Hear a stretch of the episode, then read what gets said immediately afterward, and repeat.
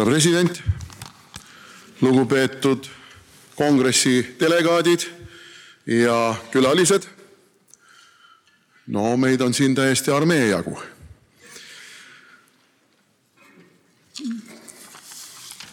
ma neljapäeval istusin arvuti taha ja mõtlesin, et hakkan kirjutama tänasele kongressile kõnet. Ja siis ma hakkasin seda kirjutama ja mul läks tuju ära. ma mõtlesin, et see tuleb jälle niisugune mahalugemine, ma olen suhteliselt tuim mahalugeja. ja ma mõtlesin, et ma teen nii nagu Franklin Delano Roosevelt, kes iga laupäev pidas oma rahvaga, Ameerika rahvaga nii-öelda kaminavestlusi, kaminaisise vestlusi. istus kamina ees oma ratastoolis, mikrofon jalgade vahel ja rääkis läbi raadio rahvaga.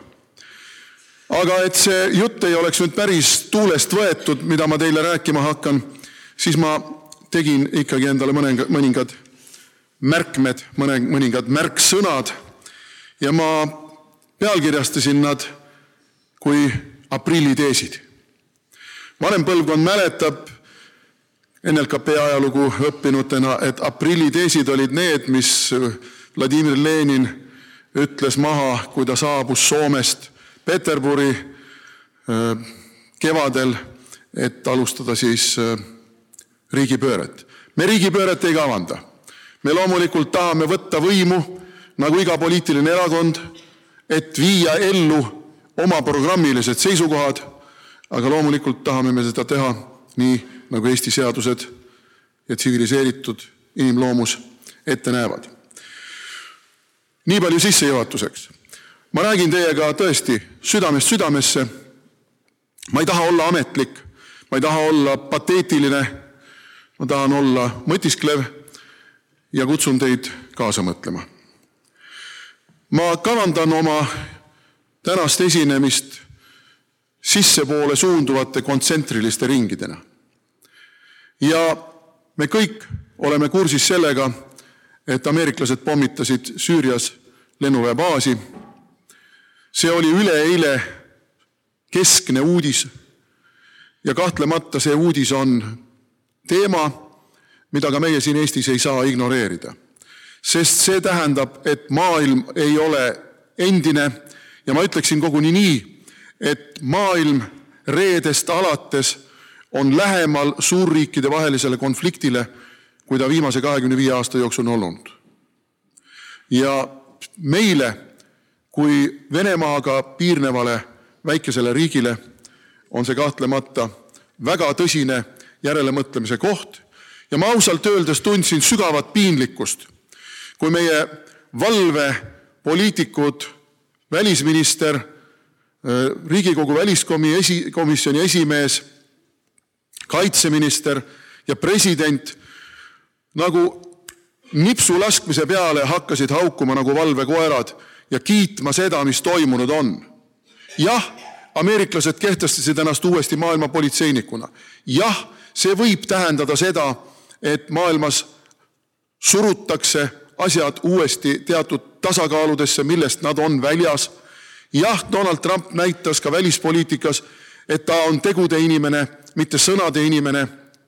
aga meie väikese Venemaa naabruses asuva riigina peame mõtlema, kas see võib tähendada seda, et Venemaa, mis on suurriik, püüab omalt poolt astuda samme, teha haiget ameeriklastele, lääneriikidele ja kas me ei või olla üks platsdarm, kus nad üritavad seda teha. ärme unustame, et saabumas on üheksas mai. Juba eile nägin ma hulgaliselt autosid Colorado mardika värvides. me ei saa välistada, et ka meie võime olla üks provokatsioonide koht ja see tähendab seda, et me ei peaks mitte haukuma ühes taktis nendega, kes kiidavad alati järele, aga needsamad inimesed muide kolm aastat tagasi kiitsid taevani seda, et Venemaaga viisavabaduse leping sõlmida. Needsamad inimesed, kes praegu räägivad, kui tore see on, et ameeriklased pommitasid Süüriat, rääkisid, kui, kui tore see on, kui meil tuleb viisavabadus Venemaaga. ärge uskuge neid inimesi. Need inimesed on konjunkturistid, oportunistid, karjeristid. Nad on need, kes on tegelikult reetnud oma rahva ja ei seisa oma rahva huvide eest, vaid on marionetid ja nad järjekordselt tõestasid seda. aga välispoliitikast ei saa me muidugi mööda, sest see välispoliitika annab oma siirded sisepoliitikasse ja me peame endalt küsima, kui tõepoolest asjad lähevad hapuks, kui valmis me siis oleme. ja riigikaitsekomisjoni aseesimehena võin ma öelda, et me ei ole eriti hästi valmis. meie kaitsejõudude juhtimissüsteem on täiesti vildakas. meil on kaks paralleelset juhtimissammast, üks on kaitsejõud ja teine on Kaitseliit ja nad jooksevad kokku üksnes kaitsejõudude kaitseväe juhataja juurde, aga kui kaitseväe juhataja esimeses raketirünnakus hukkub, kes siis juhib neid kahte paralleelset süsteemi? kui side üles ütleb, kes siis juhib neid kahte paralleelset süsteemi? meie sõjaaja kaitsejõud on liiga väikesed. kolonel Leo Kunnas on öelnud, jaa, me võitleme, aga meid on liiga vähe, meist minnakse mööda, meid piiratakse sisse ja me ei suuda kaitsta tervet Eestit. meil on sõjaaja kaitsejõududes ainult kakskümmend üks tuhat meest, aga peaks olema vähemalt viiskümmend tuhat. meil on lüngad õhutõrjevõimekuses, soomusvõimekuses, meie rannajoon, pikk rannajoon on täiesti kaitsmata. sisuliselt on nii-öelda tehniki, nagu vene keeles öeldakse, meie saarte hõivamine, loomulikult kaitseliitlased osutavad vastupanu, aga nad ei suuda ära hoida seda, et saared okupeeritakse ja siis oleme me ära lõigatud muust maailmast, ka NATO abivägedest. ja need on asjad, mille üle tuleb mõelda. ja mitte hüpata, vaid mõelda. aga meil hüpatakse ja mõtlemine jäetakse täiesti tegemata. nii et need on need kohad, millele ma juhiksin tähelepanu ja juhiksin tähelepanu ka sellele, et tegelikult meil kiidetakse kogu aeg seda, kuidas meil kaks protsenti meie sisemajanduse kogutoodangust kulutatakse kaitse otstarbel, aga rääkimata jäetakse see, et ka NATO lepingute kohaselt jätame me olulisel määral kulutamata soetustele, relvastuse ja laskemoona hankimisele ja valame seda raha betooni. raiskame seda raha igasuguste mõttetute asjade peale. samal ajal meil laskemoona jätkub heal juhul kolmeks-neljaks päevaks, võib-olla viieks päevaks, olenevalt laskemoona liigist. ja meie relvastus paljudel puhkudel lihtsalt ei vea välja, et peatada sadade ja sadade tankidega Vene soomuskolonne. nii et kaks protsenti on suurepärane, aga mille peale see kulub ja kui suurel määral tõstab see meie kaitsevõimet sellest jäetakse avalikkusele rääkimata.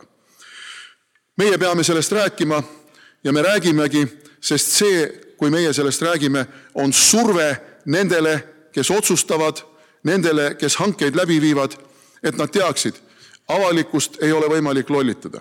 nagu ütles Kennedy, John Fitzgerald, võib ühte inimest lollitada kogu aja, võib kõiki inimesi lollitada ühe korra aga ei ole võimalik kõiki inimesi lollitada kogu aeg.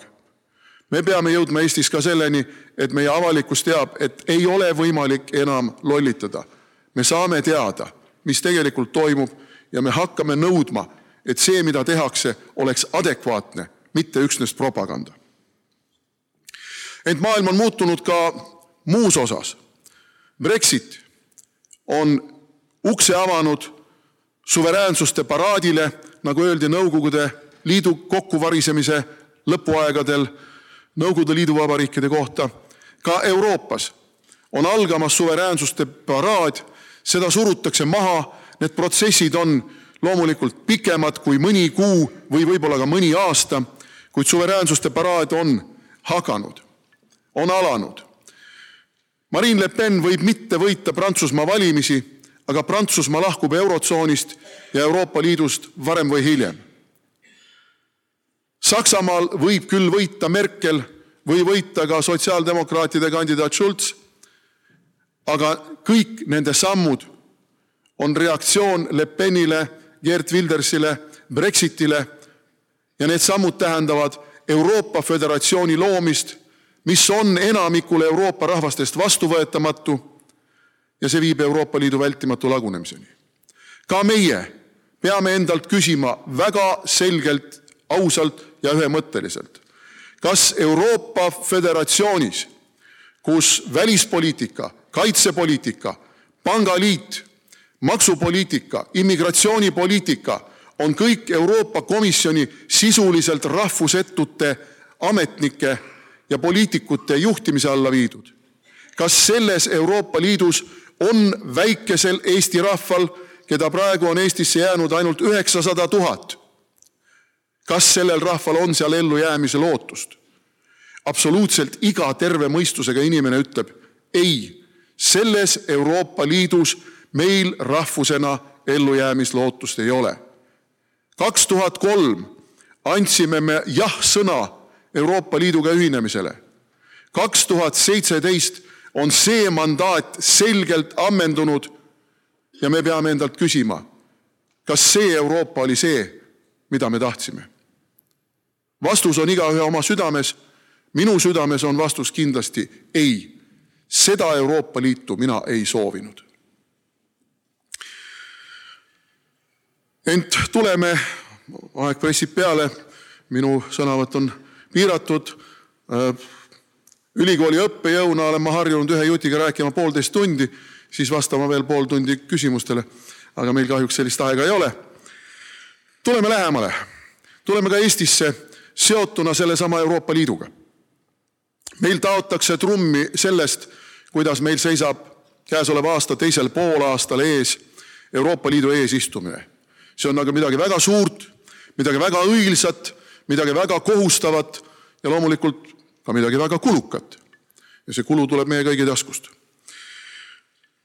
meile on öeldud ka seda, avalikkuses seda ei tututata, aga meile Riigikogu komisjonides on ametnikud ja ministrid käinud rääkimas sellest, kuidas Euroopa Liidu eesistujamaa peab olema täiesti neutraalne ja ei tohi seal mitte mingil juhul esindada oma huvisid. see on ebanormaalne lähenemine. sest vaadake, eelnes, eelneb Malta eesistumine. Malta, mis on veel väiksem riik kui Eesti, mis asub Vahemeres ja mis ägab, tõepoolest ägab meeletu immigrantide sissevoolu ja kogu selle immigratsioonikriisi näol, kriisi käes, on kogu oma eesistumise vältel teinud tõsiseid pingit, pingutusi selleks, et järgneva eesistumise ajal võetakse vastu uus Euroopasse saabunud immigrantide sundjagamise kvoot.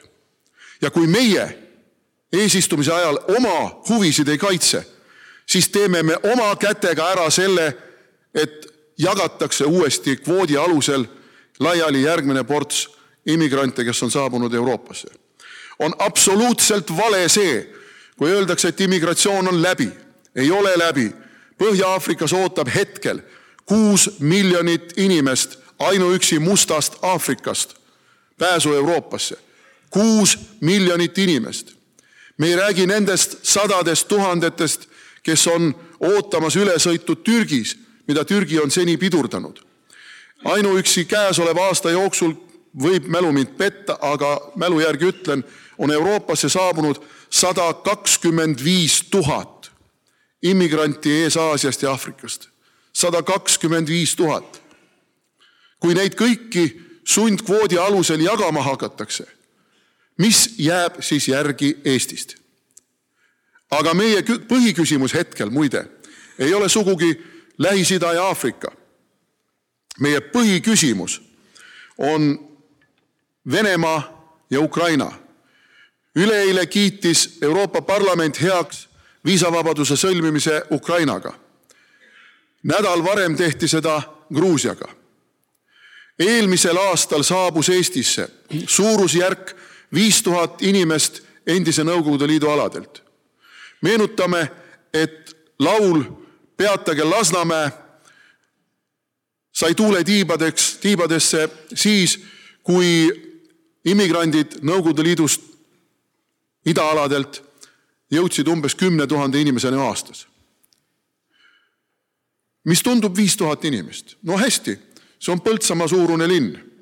aga kui me võtame selle viis tuhat ühel aastal, viis tuhat järgmisel aastal, viis tuhat ülejärgmisel aastal, siis kümne aastaga on see viiskümmend tuhat inimest. see on suurem kui Pärnu-taoline linn praegu Eestis. ja järgmise kümne aasta jooksul järgmine viiskümmend tuhat inimest. see on juba Tartu suurune linn. kas meie oma väljarände, oma madala iibega suudame seda kuidagigi tasakaalustada? ei suuda. aga praegune võim, mis Eestis on, pigistab silmad kinni. meie arupärimistele Riigikogus, mis seda teemat puudutavad, aetakse meile mingit täielikku mula. aga need numbrid, viis tuhat endisest Nõukogude Liidust Neile lisanduvad veel vabalt Euroopa Liidus ringi rändavad nomaadid. ja me võime näha Tallinnas, tõenäoliselt ka Tartus, kuidas nende inimeste arv, kes on selgelt võõrpäritolu väljanägemisega, kasvab pidevalt. jällegi tuhat ühel aastal, tuhat järgmisel aastal, kümne aastaga kümme tuhat. see on Paide suurune linn mõtleme suurtes numbrites, mõtleme kumuleeruvalt ja siis me saame aru, et need asjad, need protsessid ei ole sugugi naljaprotsessid. Need protsessid hakkavad mõjutama meid tulevikus. ja need, kes on lapsevanemad või vanavanemad, mõelge, missugune saab olema see Eesti, kus hakkavad elama teie lapsed ja lapselapsed, kui need protsessid jätkuvad. Ja meie erakonna selge ülesanne on need protsessid peatada, sest me soovime näha Eestit saja, aga ka tuhande aasta pärast Eestina, mis on Eesti, mis on eesti keel, keelne ja kus inimesed ei ole üle kogu maailma kokku uhutud, vaid on siin sündinud, siin kasvanud, siin eesti keele omandanud, siinsete kommetega kursis ja kellele ütleb midagi meie hümn, tema sõnad, meie lipp. me tahame Eestit, mis ei ole geograafiline mõiste, vaid mis on rahvusriik. ja see ongi meie erakonna mõte, meie erakonna missioon.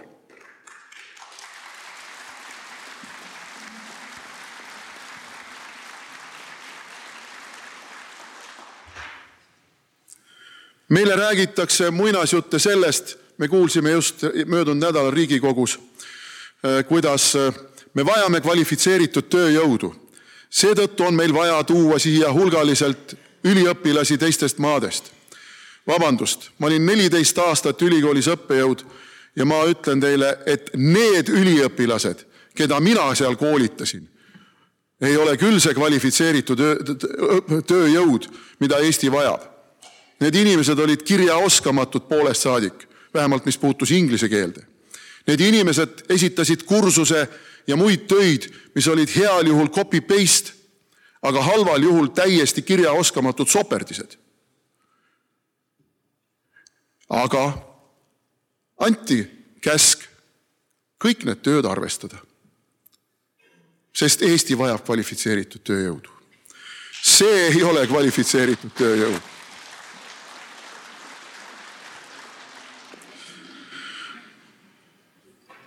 meil räägitakse veel sellest, kuidas sisserändajad on suurinvestorid, kes toovad Eestisse raha.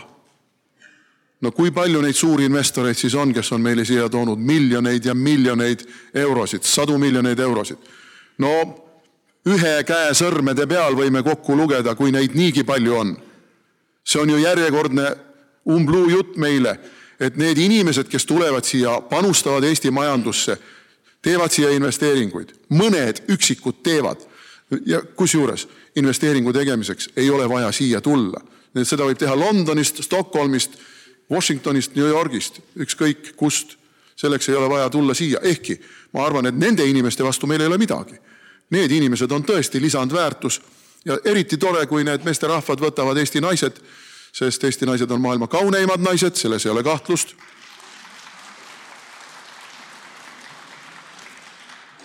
ja kodunevad siin ja nende lapsed, lapselapsed on juba eestlased.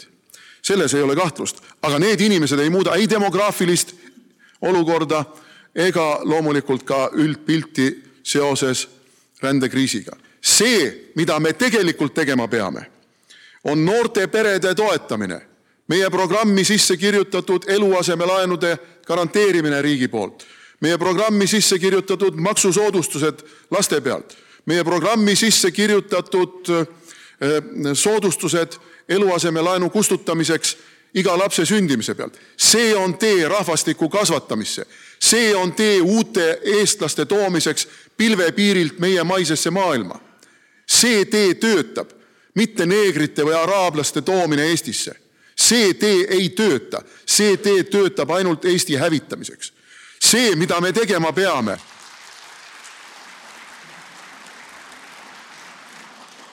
on tagasirändeagentuuri loomine et välja selgitada, kes nendest, kes töötavad Soomes, Inglismaal, Saksamaal või kus iganes, tegelikult tahavad tulla Eestisse. Nad on teinud seal tööd, on kogunud raha, nad tahavad tulla tagasi, aga nad on olnud ära palju aastaid. Nende lapsed on läinud soomekeelsesse või inglisekeelsesse kooli. Neil on probleeme, kuhu tulla, kuidas leida töökoht, kuidas leida elukoht, mismoodi võetakse neid vastu nende vanades kodukohtades selleks, et nad saaksid siia tulla sujuvalt, et neid aidata, et nende lastele leida koolid. selleks on vaja tagasirändeagentuuri. seda meie valitsus teha ei taha. küll tahab ta aga tassida siia muust kultuurist ja muust rassist inimesi. see on pahupidi mõtlemine. me ei lepi sellega mitte kunagi.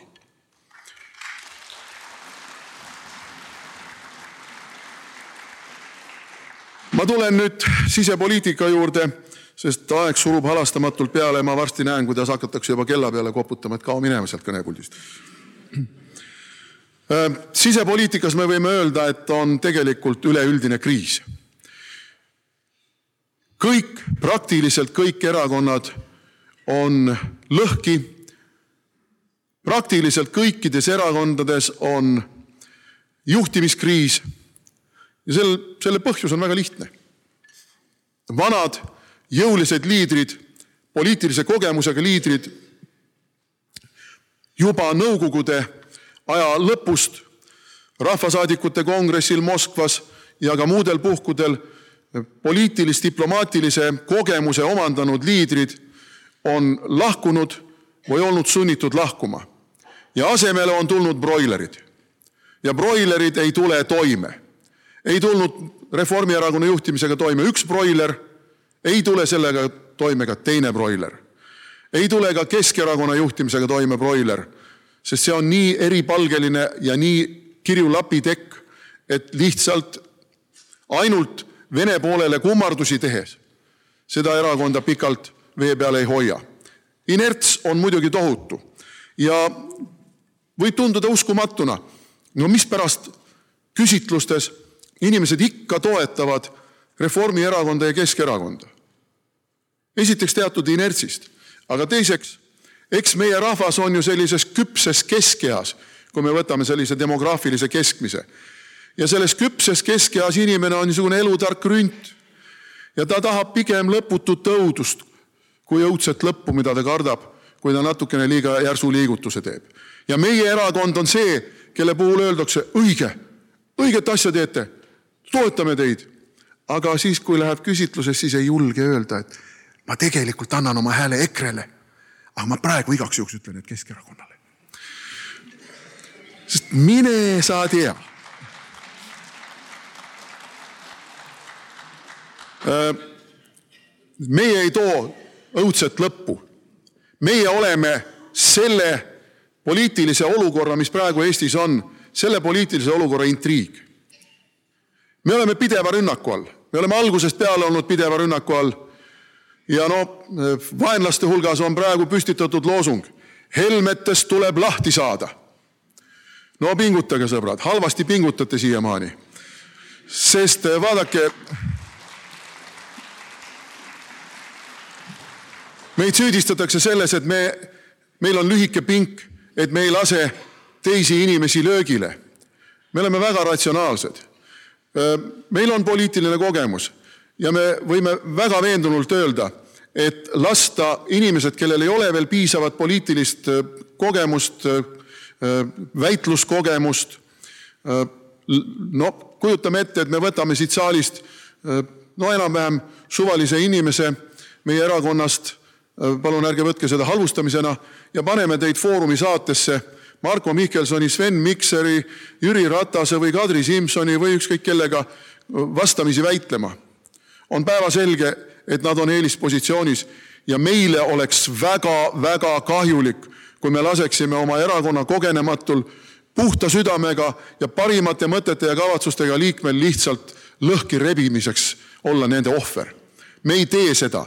me anname oma liikmetele võimaluse küpseda aega mööda me anname oma võimalusele muuhulgas nüüd kohalikel valimistel osaleda debattidel, teha kampaaniat, suhelda inimestega, suruda mällu põhipunktid meie programmist, meie eesmärkidest, selgitada, miks me ühte asja oleme teinud niimoodi ja teist asja oleme teinud naamoodi.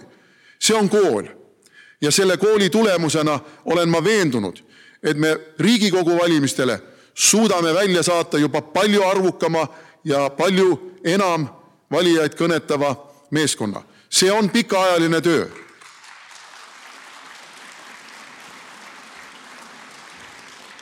kui keegi arvab, et Martin tahab teisipäeva õhtul minna otse kümnesse väsimusest kokku kukkununa, no ei taha. ta hea meelega saadaks sinna kellegi teise.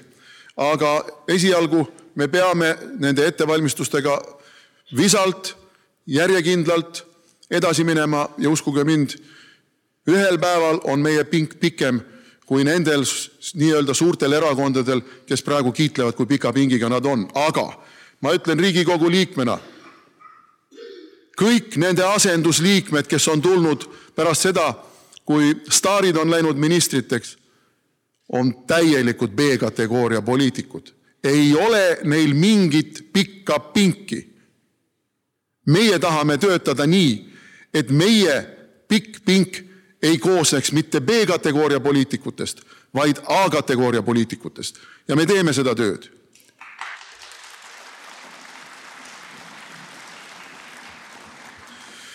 oi-oi-oi, mul on siin nii palju rääkida veel, aga katsun natuke kiirustada siis. ma tahan öelda üht. sisepoliitika, Eesti poliitika vajab uut dünaamikat mis on selle tegemiseks vältimatu? vältimatu on jälle see, mis on kirjas meie programmis. valimisseaduse muutmine. me näeme, kuidas võimule saanud Keskerakond on teinud täieliku kannapöörde kõigis nendes küsimustes, millede ellurakendamine tegelikult annaks Eesti poliitikale uue dünaamika. valimisseaduse muutmisel oleks tarvis kõike teha, mida me oleme kirjutanud oma programmis. rahastamismudeli muutmist on tarvis künnise alandamist, sest see annaks võimaluse uutel ja uutel jõududel tulla kas või katse ja eksituse meetodil, aga ikkagi teatud uue verega, teatud uue, uute ideedega riigi ladvikusse, riigi juhtkonda ja segada ära see seiskunud, roiskunud vesi, mida, mille, mille läpatanud õhku me Riigikogus iga päev peame sisse hingama no ma saan täiesti aru nendest meie suitsumeestest, kes käivad vahepeal rõdul värsket hing, õhku hingamas, sest et seal saalis on läpatanud õhk. on tarvis, presidendi otsevalimised on vältimatu selleks, et ei oleks selliseid kartellikokkuleppeid nagu praegu. on tarvis e-valimised ära muuta, kõrvaldada agendast seni, kuni rahvusvaheliselt ei ole välja töötatud kontrollitavaid ja kindlaid viise, et e-valimised ei ole võltsitavad, manipuleeritavad ja kui rahvusvaheliselt on niisugused süsteemid välja töötatud, siis miks mitte? miks mitte? Eesti on väike riik. meil on igalühel arvuti või nutitelefon ja me loomulikult kõige mugavam ka valimisi nii teha, aga mitte praegu, kus me ei tea, kus rööpaseadja suunab lõpuks hääled kelle katlasse. Praegu me seda ei tea ja kummalisel kombel need, kes räägivad meile, kui tore ja kindel asi see on ja võrdlevad seda pangateenustega, räägivad meile kogu aeg ju ka sellest, kuidas Venemaa on sekkunud Ameerika valimistesse, kuidas Venemaa sekkub Saksamaa valimistesse ja Prantsusmaa valimistesse. no kui see Venemaal nii lihtne on, kuidas siis e-valimised nii kindlad on? tehke mulle see loogikaviga selgeks. ja pangast ei maksa üldse rääkida. pangas ma ju näen kohe, kui minu raha on läinud sealt kuskile lendu. Aga hääle puhul ma ei näe ju, kui Mart Helmele antud hääl on läinud Taavi Rõivasele. ma ei näe, kuidas see on läinud.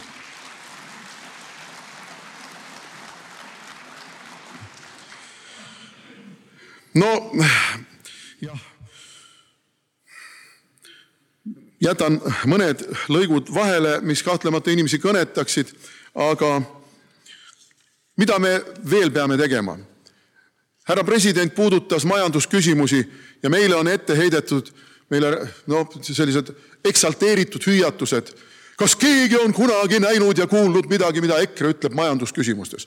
lugege meie programmi, lugupeetavad, kui te olete kirjaoskajad. enamalt jaolt küll ajakirjanikud on küll õppinud kirjutama, aga mitte lugema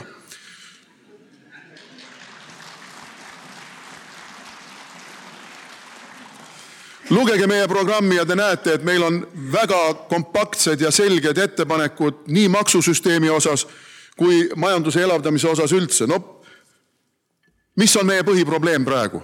Need on probleemid, mis põimuvad. see on see, et meie riik ääremaastub. see lõikab ära meie demograafilise tagamaa. see lõikab ära selle, et Eesti on kogu territooriumi ulatuses inimväärselt elatav. ja selle vastu on tarvis teha mida?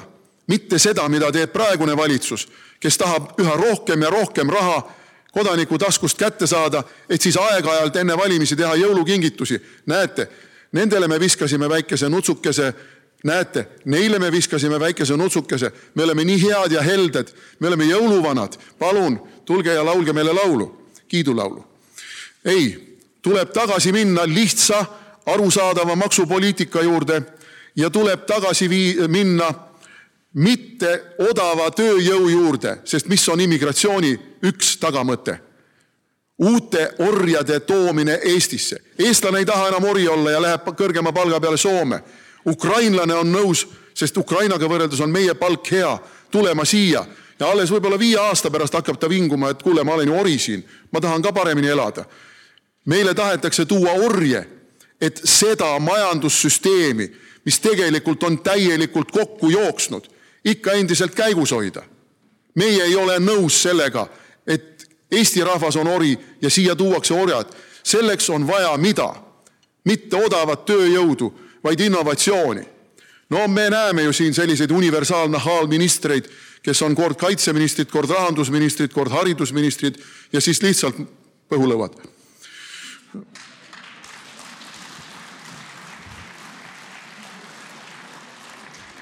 Need inimesed arvavad, et nad on nii targad, et mingisugused Tallinna Tehnikaülikooli teadlased oma, oma ammu praktikas ära katsetatud teaduslike meetoditega, mis võiksid väärindada meie metsa näiteks kõrgtehnoloogilisteks keemiatoodeteks, mis võiksid väärindada meie põlevkivi kõrgtehnoloogilisteks keemiatoodeteks, millele me leiaksime globaalselt eksporditurge. ei selliseid lolle teadlasi pole meile muidugi vaja. meil on vaja poliitilist juhtimist, et me saaksime pihta panna Tallinna Sadama raha, Arsenali raha ja jumal teab veel, mis rahad. see on poliitiline juhtimine, kus keegi mitte millegi eest mitte kunagi ei vastuta ja kus majandus kängub. see on see poliitiline juhtimine. meie ei taha, et selline poliitiline juhtimine on. meie tahame, et riigi juhtimisse oleks kaasatud teadlased, nii nagu nad olid omal ajal veel üheksakümnendate aastate esimesel poolel, kui see niinimetatud poliitiline juhtimine ja poliitiline vastutus, mis tegelikult tähendab täielikult vastutamatust, Eestis praktikasse rakendati. üks lõik, millest ma mitte mingil juhul ei saa äh, loobuda, on seotud Eesti kultuuriga. Eesti kultuurist ei räägita tegelikult enam õieti midagi. meil räägitakse kultuuriga seoses rahast meil räägitakse üldse kogu aeg ainult rahast. aga kultuur ja raha, no need ei ole päris kattuvad mõisted. kui me võrdleme kahtekümmet kahte aastat esimest Eesti Vabariiki ja kahtekümmet viit aastat teist Eesti Vabariiki, siis me näeme, et esimese Eesti Vabariigi saavutused kultuuri vallas ületavad mitme mäe kõrguselt neid kultuurialaseid saavutusi, mis meil on viimase kahekümne viie aasta jooksul ette näidata. meie viimase kahekümne viie aasta kultuurisaavutused on pehmelt öeldes tagasihoidlikud. ma olen endalt küsinud, miks. no me võime rääkida sellest, et intelligents on vasakliberaalne ja neomarksistlik ja mida iganes. ja see on õige. aga põhiline põhjus on veel lihtsam. sest meie kultuurieliit on lahti öelnud rahvuslikkusest, on lahti öelnud oma rahvuslikest juurtest, on rahv, lahti öelnud rahvuslikest eesmärkidest. seda ei teinud teise maailmasõja eelne kultuurieliit. kõik need tähtsamad kultuurisaavutused, mis Eestis on aegade jooksul, milledeni on jõutud, on saabunud tänu rahvuslikule platvormile, tänu sellele, et vundamendiks on olnud rahvuslus, rahvuse püsimajäämise küsimused, rahvuse sisemiste vastuolude analüüsimine ja kõik muu rahvuslusega seotud. praegu meie intelligents rahvuslike küsimustega praktiliselt ei tegele või kui tegeleb, siis mingis post-post vormis. noh, post-post vorm on selline, et kui ma vaatasin mingisugust, mis see oli, Macbethi etenduse mingit klippi kusagil, siis see oli nii post-post, et ma läksin posti taha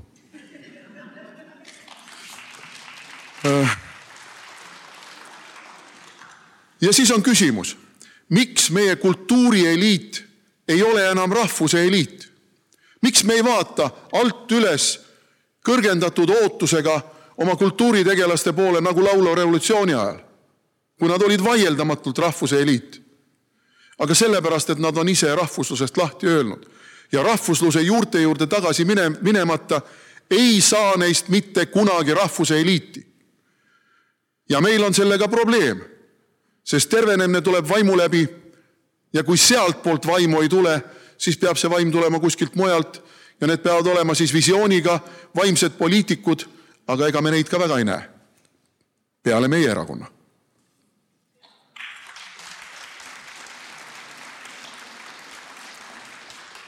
lõpetuseks kiiresti veel mõned sõnad ka erakonnast. ma mainisin, et meie erakond on pideva surve ja rünnaku all ja siin viimased paar nädalat oleme me samuti olnud sunnitud tegelema mm, inforünnakutega, nende, nende tõrjumisega või nendega mitte kaasa minemisega, oleks võib-olla õigem öelda.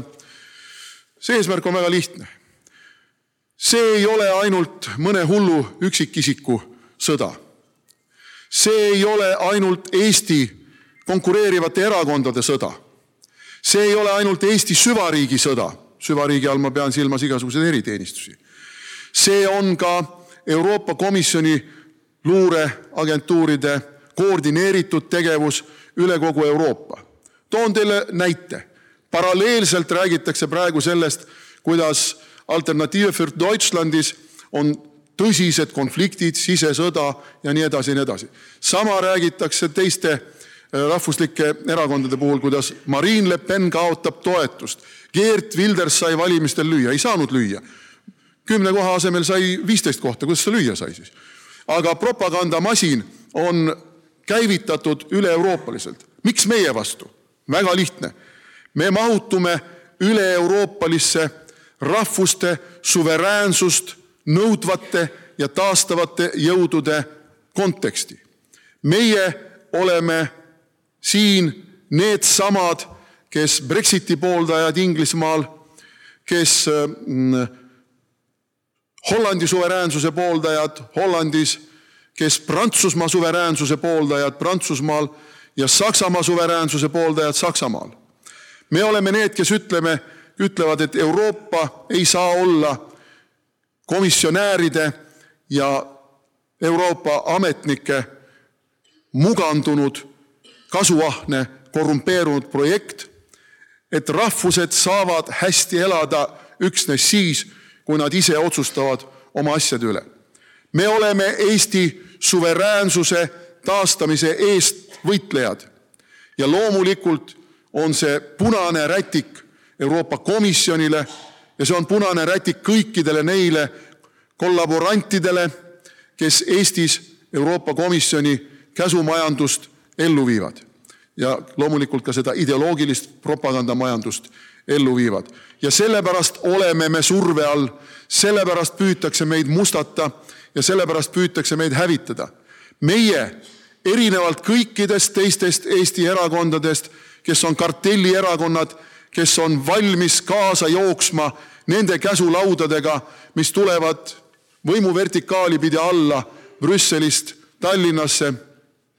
Me eristume nendest, me ei ole kartellierakond ja me ei saa kartellierakonnaks, sest me oleme Eesti Rahvaerakond. on ülimalt oluline, et meie sõnum samm-sammult, sõna-sõnalt, täht-tähelt jõuaks iga Eesti inimeseni. on üks erakond, Eesti Konservatiivne Rahvaerakond või EKRE, kui te soovite, kes seisab Eesti rahva eest. kõik teised on valmis teid reetma või on juba reetnud. Kõik teised on valmis teid reetma või on juba reetnud. ja see, mida püütakse meiega teha, mis on juhtunud poliitmaastikul Euroopas, Ameerikas ja ka meil. rahvas on kaotanud täielikult usalduse kartellipoliitika ja kartellipoliitikute vastu. nüüd see, mida püütakse teha meiega, on ju saatanlik plaan. püütakse meid mustata, et rahvas kaotaks usalduse ka meie vastu. et rahvas ütleks, ah, need on ka samasugused varganäod ja poliitilised karjeristid, ei tule sealt ka midagi. see on teadlik saatanlik plaan, et süvariik saaks endiselt juhtida kõiki protsesse nii nagu kusagil Euroopa Komisjoni tagatubades on otsustatud. me ei ole sellega nõus. me võitleme selle vastu. ja mis on meie vastus? Kui me vaatame seda, kuidas demoniseeritakse Orbanit, kes on taastanud Ungari rahva suveräänsuse, kui me vaatame, kuidas demoniseeritakse Poola valitsust, kes on taastanud Poola suveräänsuse kui me vaatame seda, kuidas põlastatakse Tšehhi ja Slovakkia, kes püüavad taastada oma rahvaste suveräänsust, siis me saame ju aru, mis on selle mängu nimi.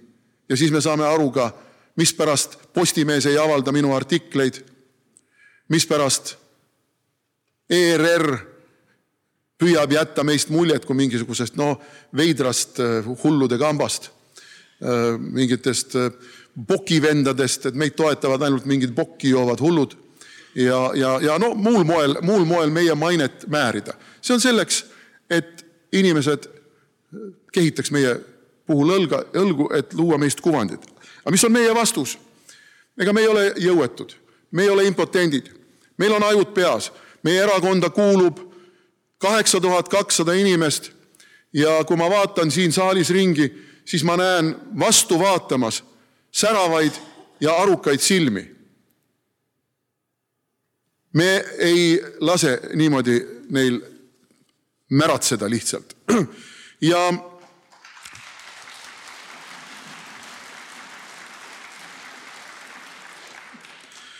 mis on meie vastus? meie vastus on alternatiivmeedia.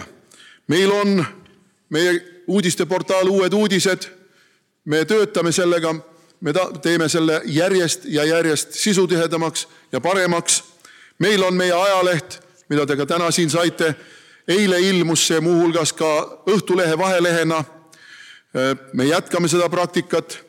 meil on meie raadiosaade Räägime asjast Ring FM-is, Tre raadios ja Saaremaa Pereraadios igal pühapäeval kell üksteist ja õhtul kell üheksa koju jõudes kuulake palun. ja meil on väga hea koostöö Äh, portaaliga Objektiiv.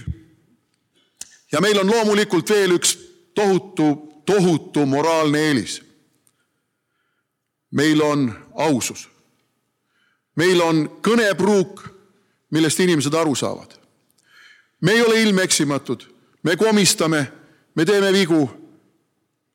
mina olen komistanud, olen teinud vigu, tunnistan seda. me küll kalkuleerime nii juhatuses kui mujal kuidas mingeid asju teha. aga vahel läheb lihtsalt nihu. inimene plaanitseb, aga jumal juhatab, et keegi ei ole siin jumal. aga nagu ma kirjutasin selles samas lehes, mille viimase numbri te siit kaasa saate, ükskõik mis, aga me ei alistu lootusetult, me ei alistu võitluseta. Eesti rahvas ei ole kunagi alistunud võitluseta ei muistes vabadusvõitluses, ei vabadussõjas, ei teises maailmasõjas ega ka okupatsiooni ajal. me oleme alati andnud lahingu ja me anname lahingu ka nüüd, ükskõik kui ülekaalukad on ka meie vastas olevad jõud, sest teisiti ei ole võimalik. kui me seda lahingut ei anna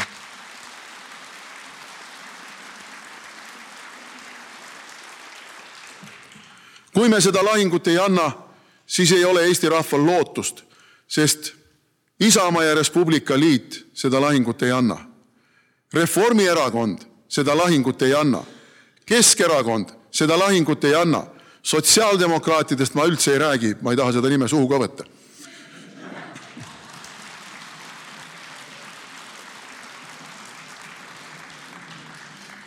ja Vabaerakond on öö, pöidla keerutamise erakond. karmilt ütlen, aga see on aus hinnang asjadele. ma käisin Saaremaal, kuna seal üks inimene tegi meile natuke tüli ja ma kohtusin Saaremaa inimestega ja uskumatu, uskumatu üksmeel oli meil ruumis ja üks inimene ütles seal ma ei ole siin erakonnas mitte ühegi nime pärast. ma olen siin erakonnas maailmavaate pärast. ja ma arvan,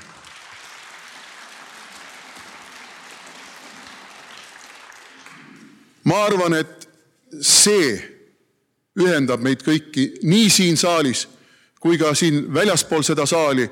ja nüüd on oluline, et meie sõnum pikkamööda kas või kukesammudega jõuaks kõikide Eesti inimesteni me oleme siin, sest meie süda nõuab nii.